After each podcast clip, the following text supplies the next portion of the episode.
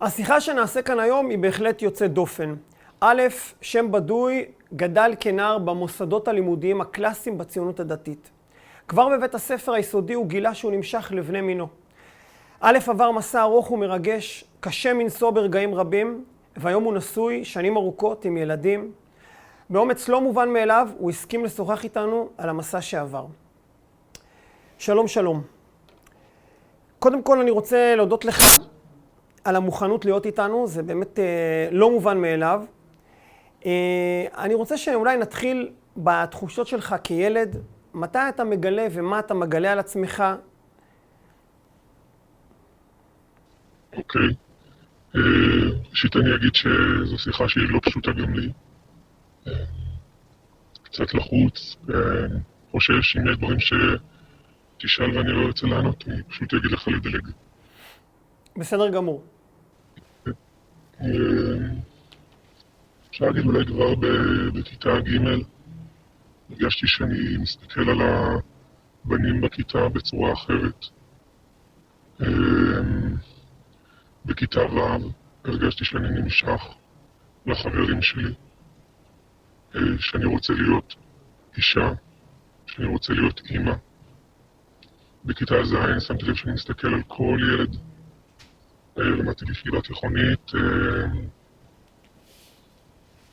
ברמות הכי קטנות זה היה. אם אפילו חבר הביא לי חיבוק ונצמד אליי, אני הרגשתי את כל הגוף שלו. אה, הסתכלתי על גברים, כל הזמן זה עניין אותי, היה חוף ים בכל מקום. הייתה תקופה גם שהתחלתי לראות אה, מראות על עצמי והוצאת זרה לבטלה, וזה מה שהיה מעסיק אותי ממש כל הזמן. עכשיו, זה לא רק המשיכה. המשיכה זה כאילו ביטוי מסוים לזה, אבל הרגשתי בת בהכל. במה זה מתבטא? אם הייתי מדבר, הייתי מדבר כמו בת. הייתי משחק, הייתי משחקת. הרגשתי אישה, בהכל. אני זוכר אפילו בגיל קטן, אה, מאוד צעיר, אני גילחתי את עצמי במקום מסוים, כאילו, הרגשתי שאני לא גבר בכלום.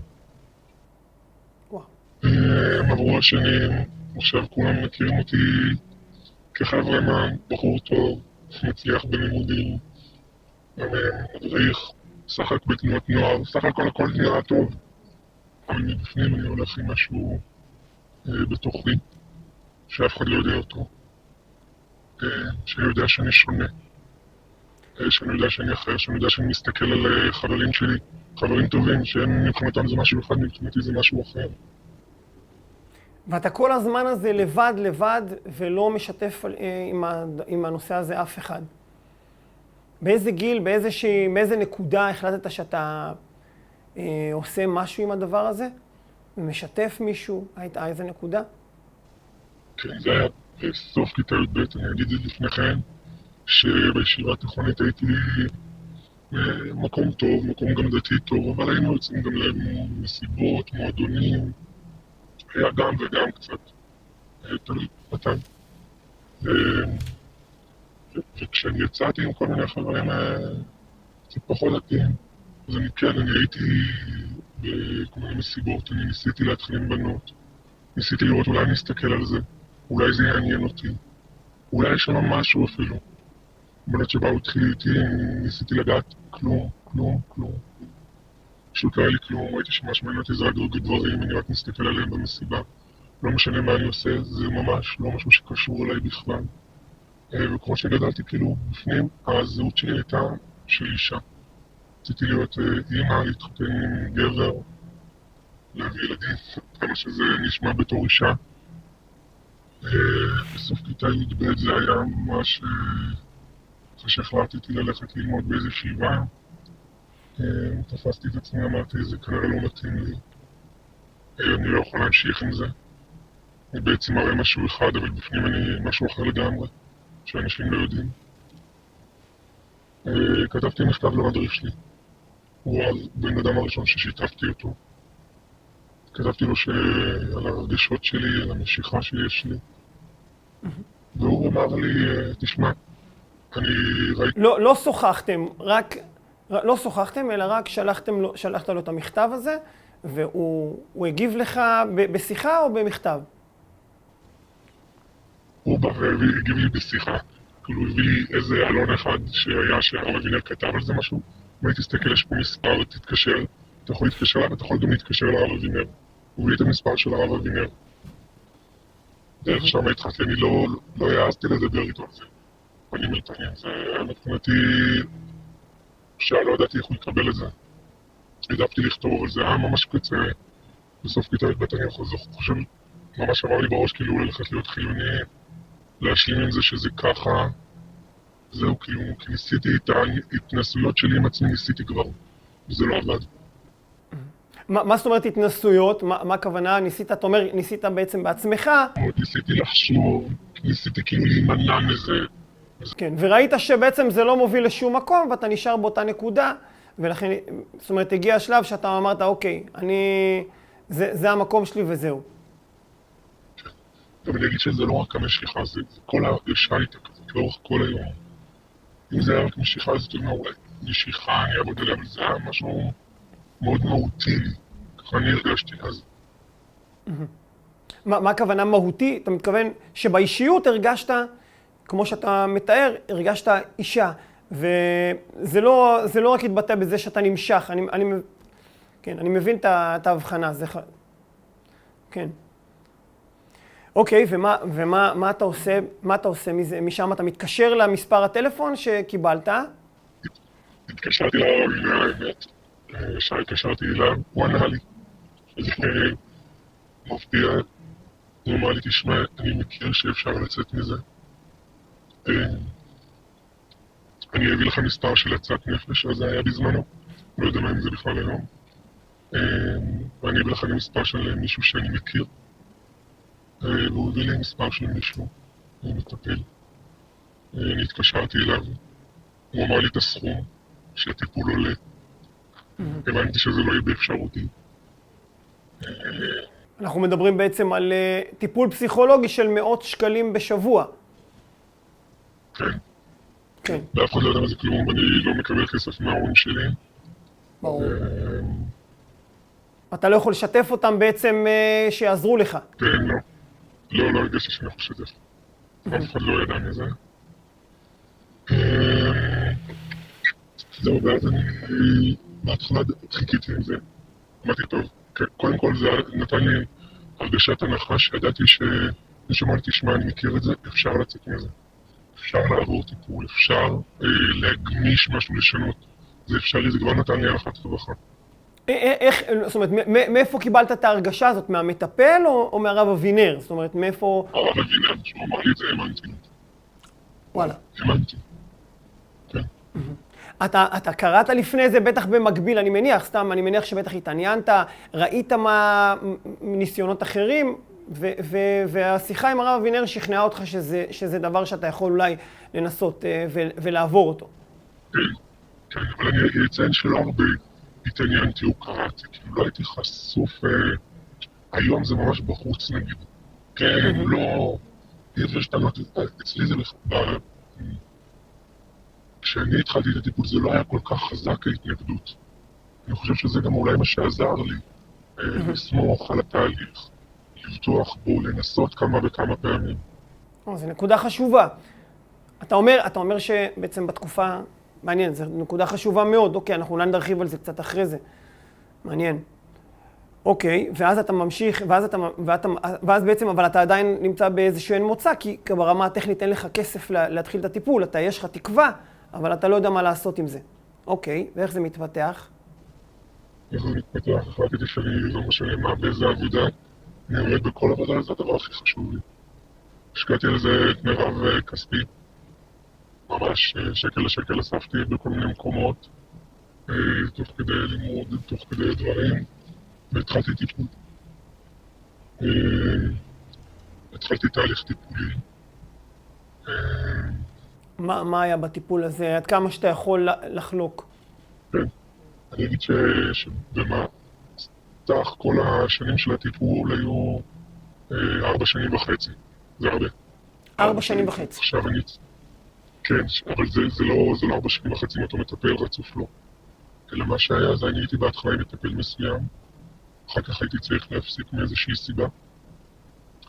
אה, ואז אחרי זה שכבר אני הכרתי אה, את הדרך, שיש אפשרות, כאילו הייתי באיזשהו תהליך, אני חיפשתי, פשוט היה משהו ספציפי שם. אני חיפשתי מטפל אחר. זאת אומרת, משהו לא התחבר לך עם המטפל הזה, אתה אומר, ואתה אמרת, אני לא, משהו מחפש... מסוים. אהה, אוקיי, ממש מסוים, אני בן דלת. בסדר. ואז אני הגעתי לטיפול אצל מטפל. בפגישה הראשונה הוא אמר לי אה, שהשיטה שהוא עובד בה היא שיטה אה, יותר התנהגותית. אה, הוא אמר לי, אתה תאונן על נשים. אני הייתי בשוק, וואו. ממש כאילו בתור אה, נער צעיר, אני, אני, אני יצאתי משם מהפגישה הזאת מזועזע. אמרתי, לכאן אני לא חוזר, זה בטוח. אה, כל הגישה, כל הדרך לא הסתדר לי בכלל. אחר כך הייתי בעוד איזה טיפול של שלוש וחצי חודשים, מישהו שגר בקצה הארץ, הייתי נוסע אליו רחוק מאוד, אה, ולא הרגשתי שזה מתקדם. אה, ועבר זמן, זאת אומרת, עברנו כבר בעצם שלושה מטפלים, ואתה עוד לא התחברת לאף אחד מהם. נכון. רגע, אני אני אציין, אני די, במטפל הראשון אני כן הרגשתי שהוא מדבר אליי. כן. הוא היה מטפל כן. טוב. אבל מסיבה מסוימת אתה אומר שזה לא יכל להמשיך. כן, ברור. דו- דו- דווקא, דווקא אצלו הוא נתן לי את התקווה, כי אני ראיתי שהוא מדבר על מקומות שאני הרגשתי שהוא נוגע בי, שהוא מדבר על מקומות שאני מרגיש שאני שייך בהם. אה, ואז אחרי זה לקח לי זמן לעזוב את המטפל השני, כי הוא, הוא, לא- הוא היה מטפל נחמד, אבל אה, פשוט הרגשתי שהוא גם, הוא לא, הוא לא, הוא לא נגע בנקודות שבאמת אה, אה, שינו לי או הזיזו לי, נתתי לזה תקופה, גם שלוש וחצי חודשים, לא עזבתי מיד כדי לנסות משהו, אה, וזהו, ועזבתי ונשארתי די באותו מצב. עדיין נשיכה על החברים שלי, ועדיין אני מסתכל על זה, וזה כל מה שמעניין אותי. אה, אני זוכר שזו הייתה תקופה שהייתי במשבר מאוד מאוד גדול. כי גם, גם אה, שרפתי על זה הרבה כסף. זה לא היה לי כן. פשוט, כאילו זה לא... התאמצתי בשביל הכסף הזה. אני חייב לציין ככה, אתה יודע, זה המון תעצומות נפש להיות בתוך המסע הזה לבד, וגם להיות קשוב לעצמך, ולהגיד, הנה זה מטפל שהוא טוב לי, וזה מטפל שהוא לא טוב לי. נראה לי שזה חשוב להדגיש את זה, שזה... אני לא אומר את זה רק בשביל לחזק אותך, אני חושב שזו נקודה מאוד משמעותית, להיות קשוב. אני אציין שהיו ב- שהייתי שתי רבנים ששיתפתי אותם. אז רב אחד ששיתפתי אותו, הוא אה, לא ידע כל כך איך להכיל את זה. כאילו הוא נתן לי זמן עם עצמי, אמר לי, ככה תעשה, ואני התרחקתי. הוא ראיתי שהוא לא, לא מבין עד הסוף, אה, כאילו זה היה סיפור קצת, אה, מה הלחיץ אותו, אני לא יודע. כאילו זה לא היה נראה עליי בהתחלה, הוא קצת הלך אחורה, וגם אני הלכתי אחורה. והיה רב אחר שדיברתי איתו, ובאמת הוא היה הסוג של האוזן קשבת שלי בטיפולים, כאילו, במהלך הזמן הייתי מדבר איתו. זאת אומרת, במקביל לטיפול? היה לך, היה לך את האוזן קשבת אצל... ה- כן. כן. ידעתי שהוא תומך בי, שהוא מלווה אותי, שאכפת לו מאוד. אה, אני זוכר שאחרי שעזבתי את המטפל, כשהייתי אצלו שלוש וחצי חודשים, אני הגעתי אליו, והייתי שבור, פשוט אמרתי לו, תשמע, זה לא מסתדר פשוט. וואו. זה, זה לא זה. ניסיתי ותשמע, זה לא... אני... הוא ראה אותי, הוא אמר לי, אתה, אתה נראה לא טוב. זה לא נכון, הוא אמר לי, עזוב את הישיבה עכשיו. לך, לך כמה ימים עם עצמך, תחשוב על מה שאתה רואה בחיים, אני בטוח שאתה יכול להצליח. אה, זה אפשרי, אני אהיה איתך כאילו גם בדרך הבאה. וככה אני הלכתי, הייתי, חזרתי, ואני התחלתי בזכותו באמת, הרבה בזכותו. אני התחלתי להיות טיפול, אה, שזה טיפול שהיה לי טוב בו, אה, טיפול שאני הרגשתי שהוא מדבר אליי. הוא על תחילת הטיפול הוא אמר לי, תשמע, המשיכה שלך היא, היא בעצם קצה הקרחון, אמרתי לו, מה הכוונה? אז הוא אמר לי, אני פחות אדבר איתך על המשיכה עצמה. כאילו, על המשיכה המינית, על המחשבות שיש לך על סקס, כל מיני כאלה, אני פחות אדבר איתך על זה. בהתחלה אני מדבר איתך על מה שעומד מתחת. אתה כאילו בא עם הקצה. אני רוצה לדבר איתך על מה שגורם לזה. על איך שאתה בכלל, איך שאתה תופס את עצמך, את הגבריות, המקום שלך, ובאמת, זאת אומרת, הנחתם, הנחתם לרגע לכל ה- הדבר הדחוף שבגללו באת, והתעסקתם בעצם עם עצמך, כמו, כל, כמו הרבה מאוד טיפולים פסיכולוגיים, אם אני מבין נכון. עם קישור למשיכה, הוא, הוא גם ברור. הסביר לי ש, שבעצם, אה, הוא אמר לי, המשיכה היא ביטוי למשהו שאולי אתה כוסף או רוצה, מחכה אליו. ובעצם, אה.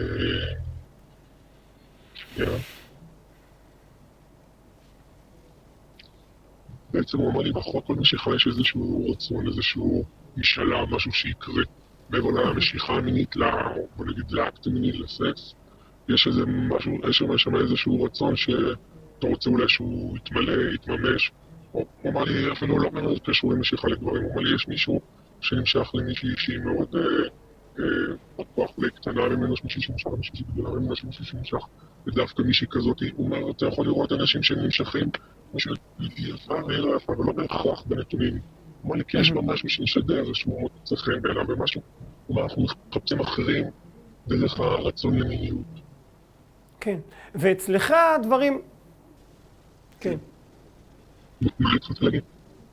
אני אומר, ואני מבין, ואצלך הוא אומר, יש גם דפוסים שבעצם אה, מאחורי כל המשיכה הזאת, גם התחושה שלך כ, שאתה חווה את עצמך כאישה, וגם המשיכה שלך לגברים, בעצם עומדים אה, יסודות אחרים פסיכולוגיים שבהם אתה רוצה להתמודד, איתם אתה רוצה להתמודד. בצורך שלי להזדהות כגבר, להרגיש גבר, במה שיש לי לתת, במה שאני רוצה להתבטל אליו. אה, כאילו, לתת את עצמי, לגשר אותי שאני בסדר. היו שם הרבה דברים שנגעו בי, שהרגשתי שבאמת זה ככה. המשיכה היא מאוד חזקה, אבל באמת אני מרגיש מאחורי המשיכה איזשהו רצון אה, אה, להזדהות, להתחבר, לי- להיות אחד עם גבר. משהו ששם הייתי צריך לפרק, להבין ש... מה אני רוצה שמה. לתת לזה שם, להבין איפה אני יכול להשיג את הצורך הזה במקום אחר. איפה אני יכול אה, לממש את הצורך ש- שלי ב- בדברים אחרים, ואיפה זה גם קיים אצלי, שזה לא מנותק ממני, איפה אני כן נמצא במקומות האלה. עבדתי על מקומות שקשורים לאומץ ולהעז, דברים שלא היו ברורים לי. אה, שהייתי צריך אה, לקפוץ למים במקומות מסוימים, והוא חיזק אותי, זה נתן לי גם כוח. עבדתי על המקומות של הגבריות שבי, איך אני תופס גבר, איך אני תופס אישה, איך אני מוצא את הגבריות שבתוכי. ואתה אומר שהדברים האלה לאט לאט הזיזו אצלך משהו, מתי אתה מתחיל להרגיש שמשהו גם מתרחש באמת ברמה, זאת אומרת, חוץ מהתובנות והתחושה שאתה מדבר פה על דברים שקשורים בנפש שלך, מתי אתה מרגיש שזה גם מצליח לגעת בנטיות המיניות? אה, יכול להגיד שזה עשה לי מאוד טוב. באישיות אני הרגשתי שאני הרבה יותר חזק, הרבה יותר יציב, הרבה יותר בטוח בעצמי. הוא הסביר לי שזה כמו נדנדה, שככל שהמשיכה לגברים תרד, המשיכה לנשים תתפתח ומשהו יעלה. אתה יודע, אתה מזכיר לי שאחרי שנה וחצי, משהו כזה, אני עברתי ברחוב, ואני ראיתי מישהי, והסתכלתי והרגשתי, אמרתי וואי איזה יפה, והרגשתי משיכה מסוימת. ופתאום אני הייתי בשוק, אני התקשרתי למטפל, אמרתי לו תשמע את ה... אז הוא לצחק, ואחרי זה חשבתי על זה עם עצמי, כמה אני צריך להודות להשם על דבר שהוא כל כך פשוט על משיכה, ובטח זה משהו שאף פעם לא יודע אם הוא אומר לך תודה שאני נמשך, אה, אישה שאני יכול להקים משפחה. אז אמרתי, זה משהו כזה פשוט העיר לי כל כך את היום. וואו, אה, מדהים. אני מדבר מהצד השני על המשיכה עם גברים, אז זה לא היה ברגע, בהתחלה, אם בהתחלה הייתי נמשך כמעט לכל אדם. ממש זה היה באופן אה, גורף, בכיתה הייתי מאוד אה, אה, נרגש מאנשים, רוצה לחשוף לאנשים, זה נמשך בקלות. בהתחלה זה ירד, וזה היה רק עם אנשים מסוימים. כאילו שהייתי יכול אפילו אה, לתת את האמונה מה מושך אותי בהם, ואחר כך גם זה ירד. וזה היה מול אנשים אה, שהיה לי איתם אולי איזשהו אינטראקציה או קטע או משהו כזה, בהרגשה שהם הקפיצו לי את זה, ואחר כך גם זה דח. זה, וואו. זה כאילו מה זה, זה, זה היה לאט לאט וזה היה בשלבים, ו... אני מניח שתוך כדי המסע הזה, אתה, עכשיו אתה מדבר על הדברים ומסתכל אחורה, אבל היה, הצלחת לראות את השלבים האלה גם תוך כדי, אה, תוך כדי שהם קרו? אה, אני אגיד לך מתי הצלחתי, כי פעם אחת אני חזרתי, היה איזה טיפול שאני לטפל שלי, כי נכון, אני מרגיש אולי קצת אחרת, ואני מרגיש שהוא נמשך קצת לאנשים, אבל אני עדיין נמשך לאחד, שתיים, שלוש, שלושה שמות שציינתי אותם, כגברים. אז הוא אמר לי, נכון, הוא עברי זה תסתכל אבל על אנשים אחרים. מה, אם יש שם עדיין משיכה? ואמרתי לו, נכון, כשמגיע למקומות חדשים זה פחות קיים. ואיתם, עם האנשים האלה, היה לי אינטראקציה מסוימת. ואיתם, כאילו, אני עדיין, הסיפור הוא לא פתור, שעדיין הם כמו אסוציאציה כזו, שזה הדבר הראשון שהם מעלים לי. אמר לי, ושם אני צריך לעשות עבודה אחרת. אז פתאום זה נתן לי את ההבחנה הזאת, שהתקדמתי, שהיה פה דרך, שבאמת זה לא לכולם. כי כשאני נמשכתי, אני הרגשתי משיכה חזקה, וכאילו זה כל עולמי. אז הוא אמר לי, תסתכל עליו. תסתכל מסביבך, תסתכל איפה זה קורה. תסתכל עם מי ומתי ומה אתה מבקש שמה, ומה הצורך שיש לך שמה. כן. תשמע, זה, זה... קודם כל, אני, אני חייב להגיד שללא קשר לסיפור של המשיכה המינית, זה נשמע כמו מסע באמת מדהים להיכרות עצמית, אל כל מיני דברים שאני לא יודע כמה אנשים זוכים אה, להיות קשובים אליהם ולהכיר את עצמם. בוא תיקח אותנו לשלב שבו אולי אתה אה, מתחיל לחשוב על... אה, היום אתה הרי נשוי, איך, איך הדבר הזה, איך המעבר הזה קורה? אוקיי, זה היה- גם בטיפול. היה מטופל שמה הייתה יכולה להתחיל לצאת, אה, אתה תהיה בליווי איתי. אה, יצאתי, ואני לא רוצה לחשוף פרטים, יצאתי עם אשתי לעתיד. אה, יצאנו ביחד בשלוש חודשים. בשלוש חודשים הוא מלווה אותי בתהליך. זאת אומרת, תוך כדי הטיפול עולה לך המוטיבציה להתחיל לנסות לצאת עם מישהי, אתה עוד לא אומר לה עם מה אתה מתמודד, אבל אתה יוצא איתה בתור התחלה, נכון. והוא אמר לי מההתחלה, הוא אמר לי, אתה תגיד לה, אתה תספר לה. לא יהיה מצב שאתה לא יכול לספר. אתה תספר לפני שאתה מתחתן, אל תדאג. זה הטריד אותי, כי לא רציתי במקום כזה אישי להיות גם שומר סוד או לא סוד. הוא הטריד אותי מאוד, הוא אמר לי, אל תדאג, אתה מספר לה. אבל הוא אמר לי, כשאני אגיד לך, צריך לפתח קודם כל קשר, לראות שזה מתאים, ואחרי זה לספר. ומה אתה מרגיש? אה, אני לא התאפקתי ואמרתי, אני חייב לספר. כי הרגשתי שיש דברים שזזים, יש דברים שמתעכבים, והיא לא הבינה למה.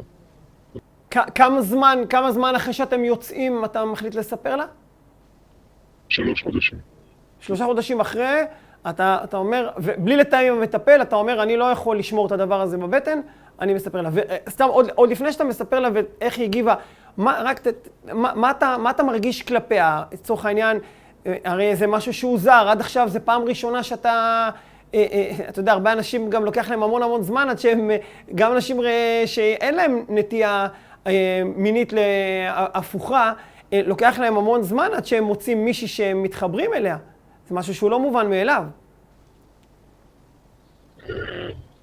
נכון, אבל, זה, לי חשוב, כאילו, גם לקשר בינינו. הגענו לאיזו רמה של פתיחות, של כנות, שהרגשתי שאני לא יכול להתקדם אם אני לא משתף. כן. שזה כאילו חוסם אותי. חוסם כן. אותי גם בקשר איתה, וגם אה, הרגשתי לא... שזה לא הוגן גם. כאילו שלוש חודשים. יצאתי, אני צריך לספר. ואתה מספר לה ומה... כן.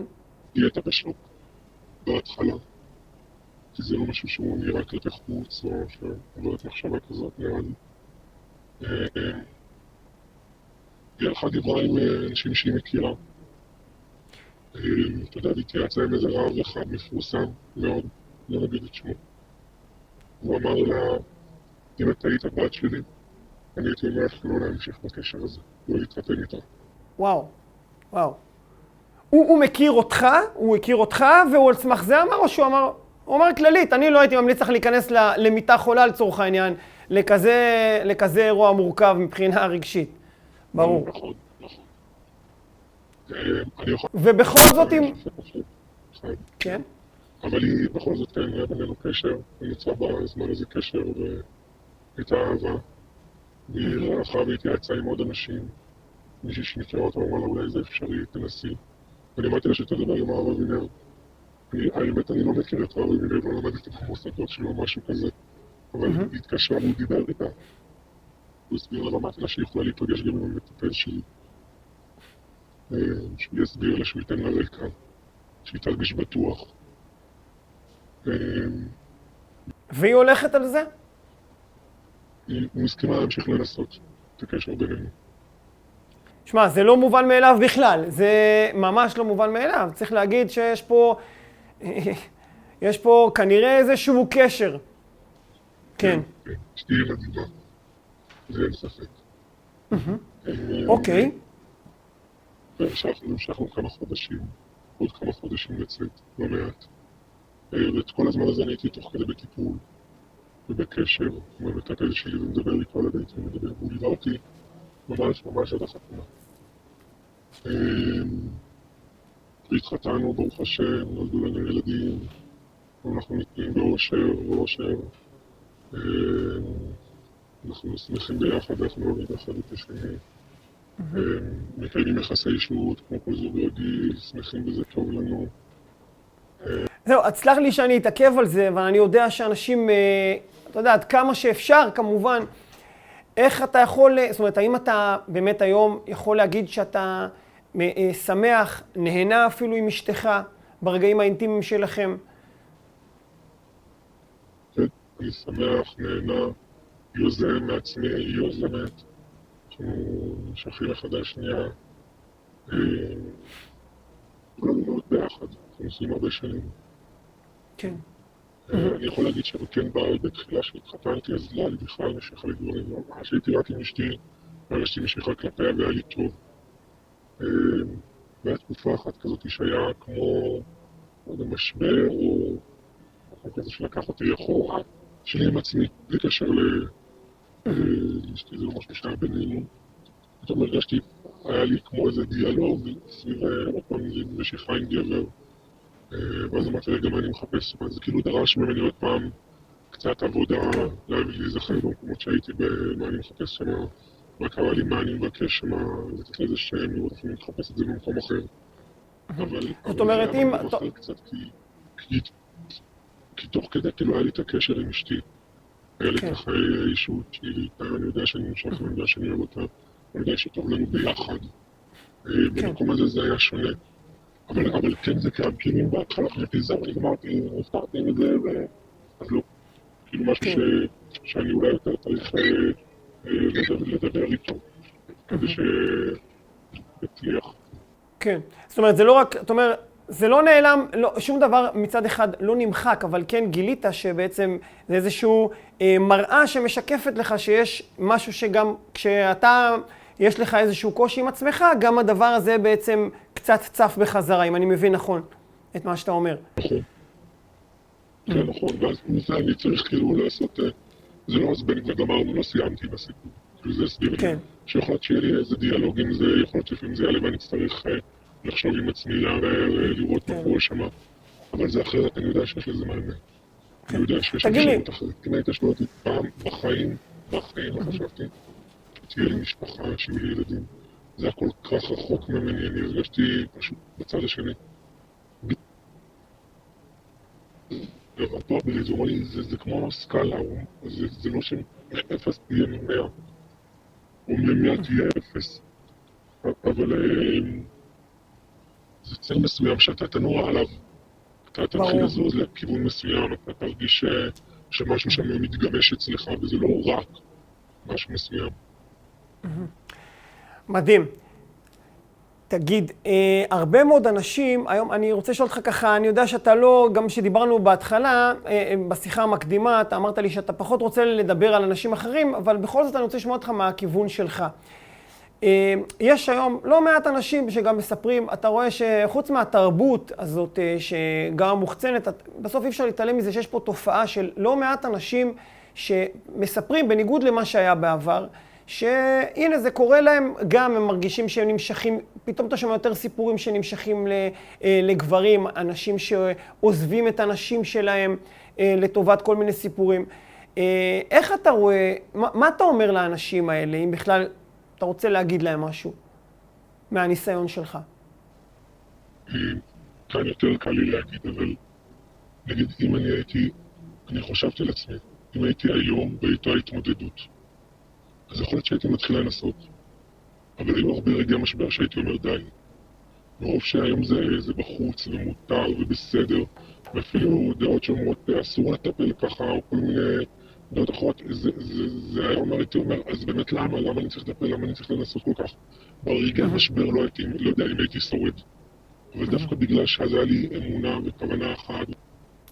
משהו קרה בקשר. אה, אנחנו עכשיו לא שומעים אותך. עכשיו אתם שומעים אותי? הנה, עכשיו שומעים אותך, כן. בוא תחזור לאותה נקודה שהתחלת.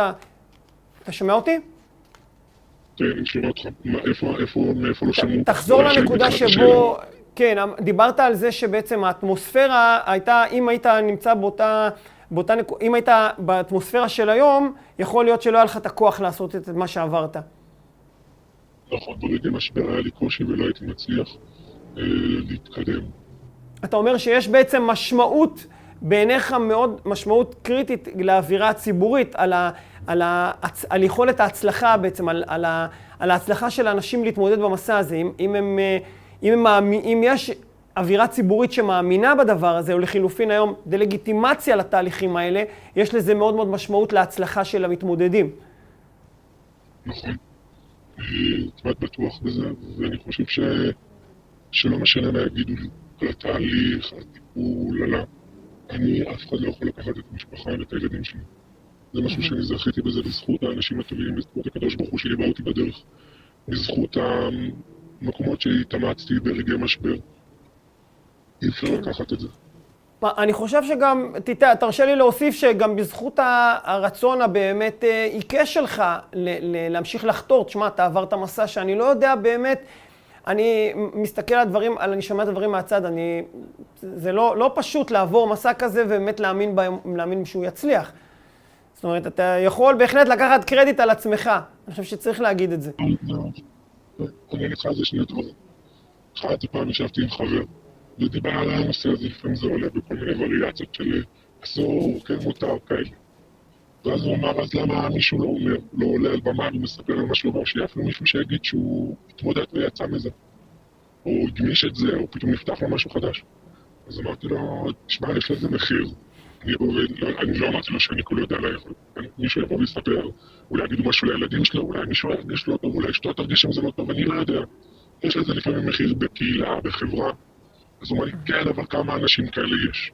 אמרתי לו, באמת שאלה, לא יודע, אבל בתוכי לא רציתי להגיד כן, לא רציתי גם להראות ידע יותר מדי בנושא. אבל בתוכי אני מכיר, מהמקום האישי הקטן שלי, שבאמת אני לא, לא מכיר יותר מדי אנשים, אבל במקום האישי הקטן שלי אני מכיר שמונה אנשים, ממש לפני שדיברנו, אני חשבתי מי אני מכיר שהתמודד ויצא והקים משפחה, ושלא לדעת הוא שמח בחיים שיש לו כיום. שמונה אנשים שאתה מכיר. כן, זה עליה שאני מכיר מהמקום האישי שלי, בכל מיני סיטואציות אה, קטנות. אתה יודע, אפילו בסיטואציה הכי קטנה שפעם אני יצאתי מהמטפל שלי וראיתי מישהו מהישיבה שלי, אז יש לי מישהו ככה אחד שראיתי. וואו.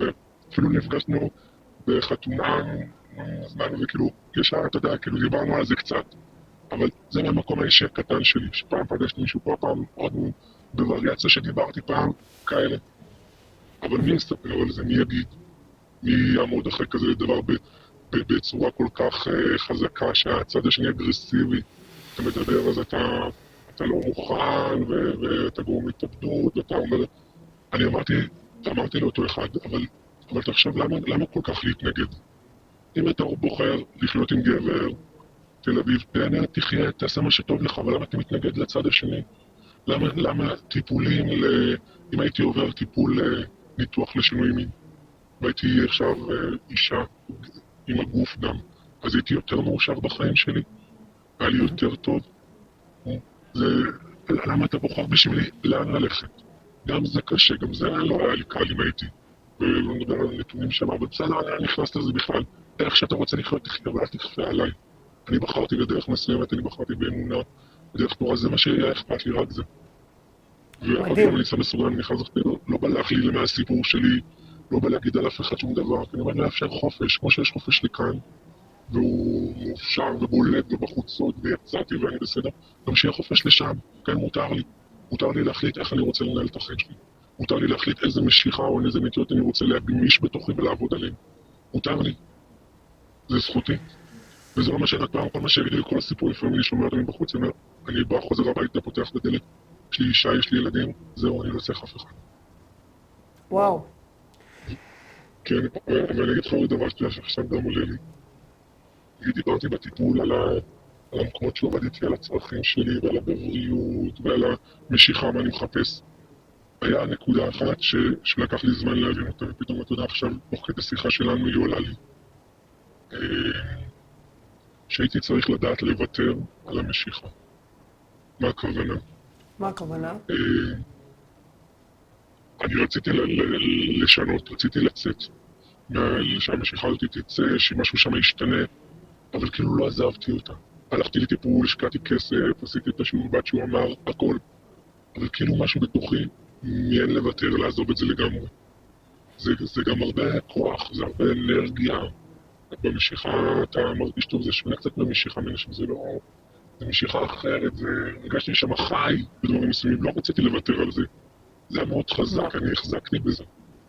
מעניין מאוד. מה זאת אומרת? זאת אומרת, אתה אומר שלמרות שבעצם יצאת ועשית טיפולים ו- וניסית והשקעת בזה כסף, משהו בך לאורך תקופה לא באמת שחרר את זה? זה, זה מעניין מאוד. כן, הכוונה, אה, זה, זה לא כאילו שחור על מה שחררתי או לא שחררתי, אבל לקח לי זמן להבין שאני צריך לוותר על זה. לוותר על המשיכה, לוותר על הרצון להתחבר לגבר, לוותר על זה, להניח לזה לגמרי, כי זה לא יהיה. כי מה שאני מוצא את עצמי שם אולי חי וטוב מעניק ואני נותן ואני שייך שם ומישהו נותן לי ואני שוכב איתו. זה לא יהיה פשוט לשבת להתאבל על זה, לוותר על זה לגמרי. זה לא יהיה. זה כבר לא יהיה, אני לא בחרתי בדרך הזאת וזה לא יהיה. ואז שם משהו קצת נפתח, כאילו... זה, זה, זה, זה, זה לקח זמן, זה תהליך לוותר. לוותר על משהו שקיים לי. שמע, זה... אני חושב שזה משפט מאוד מאוד חזק. אה, הנקודה הזאת של לשחרר את הרצון ובאמת להתחבר לרצון באמת, שהיא הנקודה המרכזית כמעט בכל תהליך שאנחנו עוברים. זה... תשמע, אני רוצה ממש להודות לך. הדברים האלה, לדעתי, אה, הם, הם תובנות אדירות וחזקות על, אה, על המון המון תחומים של התמודדות, בטח ובטח בנושא הכל כך עדין וחשוב ורגיש הזה. אה, אני ממש מעריך את הדברים שאמרת כאן. מאחל לך המשך אה, זוגיות שמחה ומשפחה בריאה תמיד. תודה גדולה. תודה גדולה. בשמחה רבה, אם הייתי למישהו לעזר במחשבה, במקום של התמודדות, בניסיון קטן, לעבר מה שהוא חיפש באמת, הוא רצה לנסות ומישהו בא ושינה לו את זה בגלל כל מיני דברים מבחוץ. אז אני את שלי עשיתי. תודה לכם, להתראות. תודה. תודה רבה.